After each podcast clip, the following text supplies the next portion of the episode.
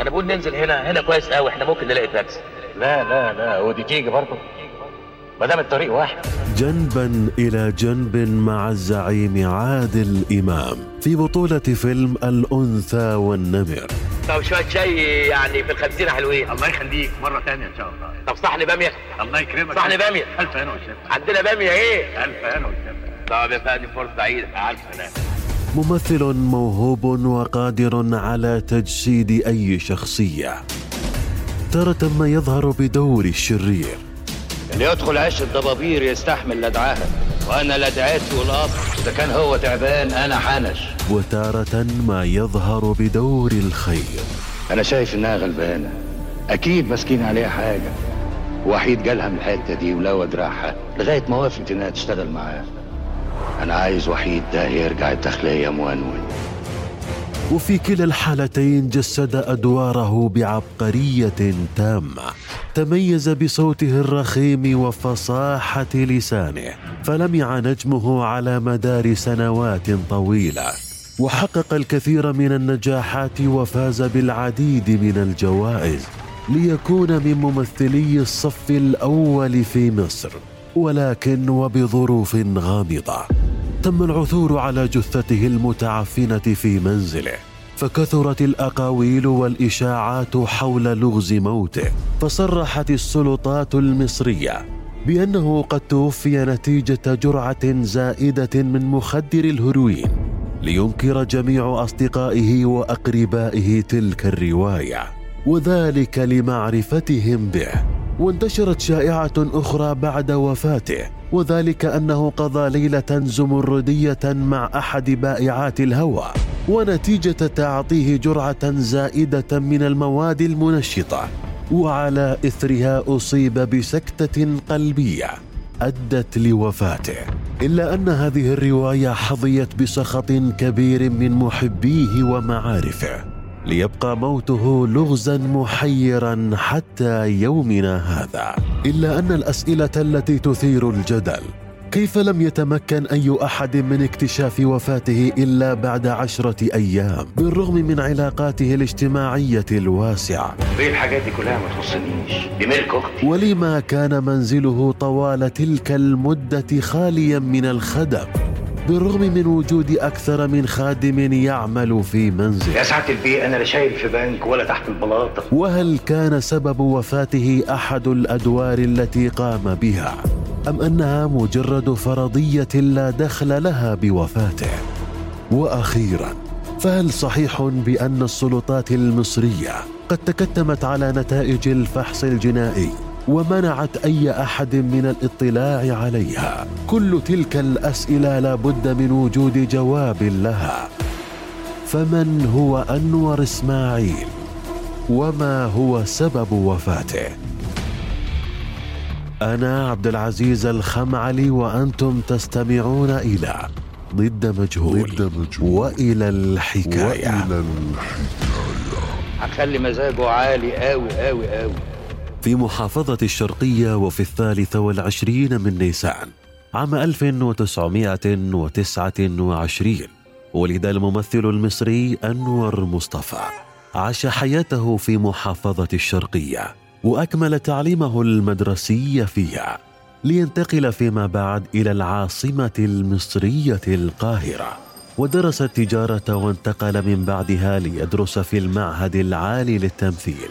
ويتخرج منه عام 1959 وقد بلغ حينها الثلاثين من عمره. وبعدها بعام واحد تخرج أنور من كلية التجارة وحصل على بكالوريوس في التجارة. وقد وصف أنور دراسته للتجارة بأنها كانت مرحلة بسيطة من حياته إلا أن الهدف الأكبر بدأ يتجلى في حياته. بعد أن درس التمثيل وذلك لحبه وشغفه الكبير بعالم الفن وبعد أن تخرج من المعهد العالي للتمثيل بدأت الأدوار الصغيرة تتوالى في حياته ليلتقي أخيرا بالفنانة نادية الجندي التي عرضت عليه أن يشاركها بطولة فيلم المذبح الذي كان من أهم أعماله.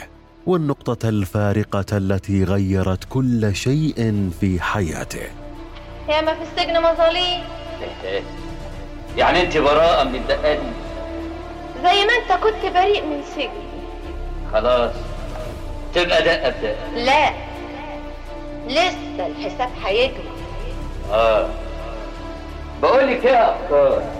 اسم المعلمة أفكار. ماشي. المعلمة أفكار. إحنا فاهمين بعض كويس واللي في القلب في القلب. فبعد تصويره لفيلم المذبح الذي لقي نجاحا باهرا توالت العروض المميزة في حياته وبسبب فصاحة لسانه وقوته في اللغة العربية الفصحى إضافة لصوته الرخيم الذي كان من أهم ما يميزه. كمال يا أبو العزايم. برع أنور إسماعيل في الأدوار التاريخية وجسد العديد من الشخصيات المهمة. ليكون من أنجح الممثلين في هذا المضمار. أنت موقفك حساس جدا لأن ده عهدتك أنت. وفي عام 1986 ظهر أنور إسماعيل في أجمل أدواره بشخصية تاجر مخدرات كبير يدعى عبد أماش وقد تشارك بطولة هذا الفيلم مع الممثل عادل إمام. لتكون هذه الشخصية من أجمل الشخصيات التي جسدها أنور والتي حظيت بمحبة الجميع. إحنا كلنا نعامله عادي. والبضاعة اللي هنستلمها في أسوان لا لا. وحيد ما يعرفش حاجة عنها خالص. إلا أن شخصية عبد أماش لم تروق لعدد من الأشخاص فقد شعروا بأن دور عبد ليس بصدفة بل هو يحاكي أحد الشخصيات البارزة.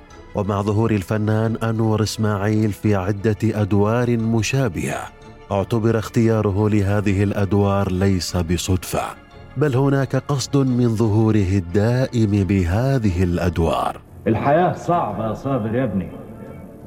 مش عاوزة الأحلام عايزة فلوس. وفي الثالثة والعشرين من نيسان عام 1989 نشرت الصحف المصرية والتلفزيون الرسمي خبر وفاة الفنان أنور إسماعيل وذلك بعد العثور على جثته في منزله في حي السيدة زينب فسبب غيابه صدمة كبيرة لدى الجمهور وفي الأوساط الفنية ليتم تشييع جثمانه ودفنه في اليوم التالي وظن الجميع بأن القصة قد انتهت. إلا أن المفاجأة التي لم يتوقعها أحد أن ما حدث ما هو إلا البداية ليس إلا.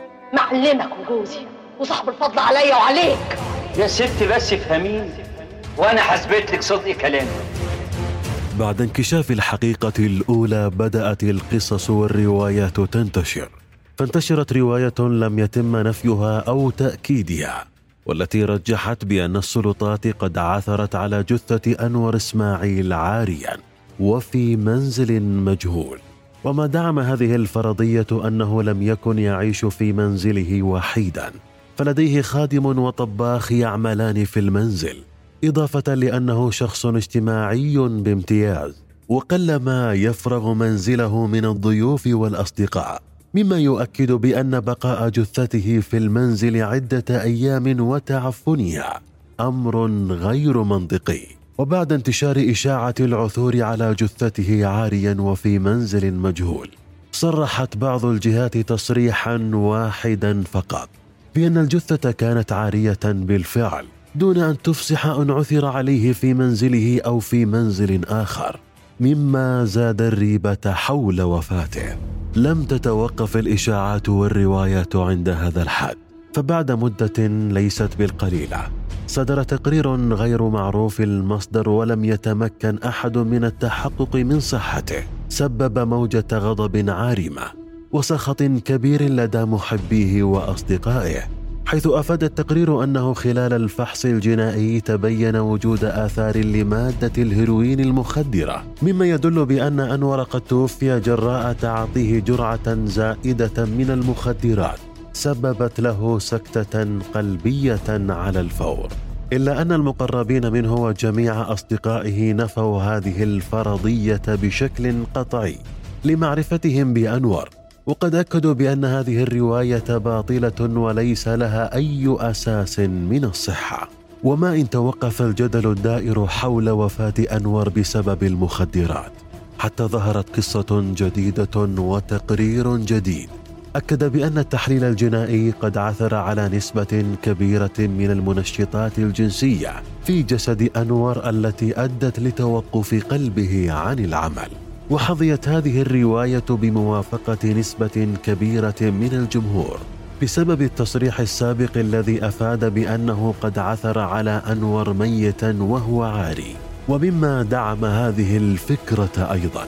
الإشاعة التي انتشرت سابقا بأن الجثة كانت في منزل مجهول ولعل الفاحشة خير سبب لتواجده في منزل سري. فربما قد توفي بعد ليلة زمردية قضاها مع أحد العشيقات أو حتى بائعات الهوى. إضافة لأنه مهما حاول أصدقاءه والمقربين منه الدفاع عنه لن يتم تصديقهم فلكل إنسان جانبه المظلم والسري. ولعل فاحشة الزنا هي الجانب المظلم لهذا الرجل. فانتشرت هذه الرواية كانتشار النار في الهشيم. لتتدخل السلطات وتدافع عن رجل قابع الآن بين يدي خالقه فقد صدرت من بعده عدة تقارير جنائية تثبت عدم العثور على أي آثار لمواد منشطة أو حتى آثار لمواد مخدرة في جسد أنور. إلا أن نسبة كبيرة من الجمهور العربي رفض هذا التقرير لعدم تأكيدها ببيان واضح من الجهات الرسمية. فقد اكتفت السلطات بنفي ذلك من خلال الإعلام والصحف لتبدأ إشارات الاستفهام بالدوران حول عبثية القصة. فلما لم يصدر بيان واضح يقطع الشك باليقين.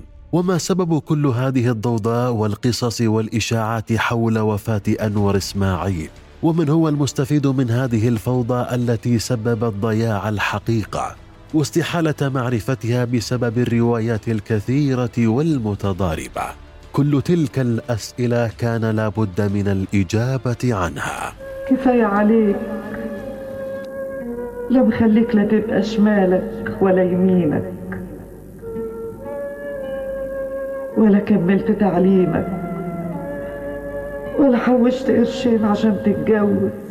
بعد بحث طويل في المصادر وسعي مضن للحصول على جواب شاف لم نتمكن من تأكيد أو رفض أي رواية إلا أننا وبشكل منطقي حاولنا تفنيد القصة والإجابة عن بعض الأسئلة التي تخطر في بال أي أحد منا. فبعد بحث طويل تبين أن أنور إسماعيل كان يعيش وحيدا في منزله وذلك في الأيام القليلة الأخيرة التي سبقت خبر وفاته مما يساعدنا في قبول فرضية العثور على جثته في منزله في السيدة زينب. أما أن الجثة عارية فليس بالضرورة أن يكون سبب تعريه قبل الوفاة أمر غير أخلاقي. فلم تصرح الجهات المختصة أي تصريح. يدل على الركن الذي عثر فيه على الجثة. فقد يكون آخر عمل له قبل الوفاة اغتساله أو دخوله أو خروجه من الحمام أجلكم الله. فسبب كبر سنه ولتبدل الجو ضمن الحمام وخارجه. قد يتعرض لوعكة صحية وضيق في التنفس. سبب له الاختناق والوفاة وبسبب العثور على الجثة وهي متعفنة. فمن الصعب توقع ذلك الاحتمال. أما سبب تأخير الإعلان عن الوفاة من قبل السلطات فلم يكن هناك أي معلومة أو مصدر أو جهة تثبت ذلك أو تنفيه فقد يكون صدور الخبر جاء في الوقت المحدد. ولكن وإن كان حدث تأخير بالفعل فقد يكون التأخير بسبب الوقت الذي احتاجه الفحص الجنائي. فلم يكن أنور إسماعيل رجلا طاعنا في السن إضافة لكونه شخصية مشهورة وعامة. فكان لابد من إجراء جميع الفحوصات الممكنة لعلها توصلنا لحقيقة الوفاه إلا أن الأمر بقي غامضا ومبهما. واللي بيحصل ده خراب هدم ما يرضيش ربنا. إهدار للقيم والأخلاق. مش هسكت ابدا. مش هرتاح ابدا إلا لما أحط إيدي على المجرم اللي عمل العملة دي وأسلمه للعدالة. وخلال البحث تبين معنا أن بعض الأدوار التي لعبها انور إسماعيل أثارت غضب وحفيظة بعض الشخصيات النافذة ظنا منهم بأنهم المعنيون فيها. وبعض الأقوال تفيد بأن انور إسماعيل قد تعرض لتهديدات من بعض الجهات المجهولة لعدة أدوار قد لعبها حاكى فيها تلك الشخصيات مما دفعهم للتخلص منه في النهاية. وكانوا سببا في سير الأحداث من بعدها لتكون ظروف الوفاة غامضة والقصة محيرة. وبين الحين والآخر يتم نشر إشاعة تزيد الأمر غموضا وضياعا. ومما أكد رفض الجهات الرسمية لإعادة فتح التحقيق وإعادة الفحص الجنائي للجثة. تحت ذريعة عدم وجود ضرورة لذلك وعدم توافر أي أدلة جديدة حول القضية. ليبقى السؤال هنا. هل بالفعل لم يكن هناك أدلة جديدة؟ أم أن الشخص الذي قتل أنور إسماعيل بهذا الشكل قادر على إغلاق أي قضية مهما بلغ عدد المطالبين بها؟ في الحقيقة ليس لدينا الجواب الشافي أو الدليل القاطع الذي يؤكد سبب وفاة ذلك النجم الكبير. ولا نعلم إن كان الأمر حادثا أم أنه أمر مدبر. إلا أن الحقيقة المؤكدة أن قضية وفاة أنور إسماعيل ما زالت مقيدة ضد مجهول. لتستمر الرحلة ونطير معكم من قضية إلى أخرى باحثين عن جواب أو حل لها. فشاركونا رأيكم بالتعليقات وساعدونا على معرفة الجواب. لعل رحلة ضد مجهول تنتهي ويدمغ الحق بالباطل. ونكون جميعا مساهمين في تعرية الباطل وكشف الحقيقة التي لا بد لها من الظهور ولكن حتى يحين ذلك الوقت. كونوا حذرين. أنا انتهيت قبل أواني. أنا عجزت قبل الشيب ياما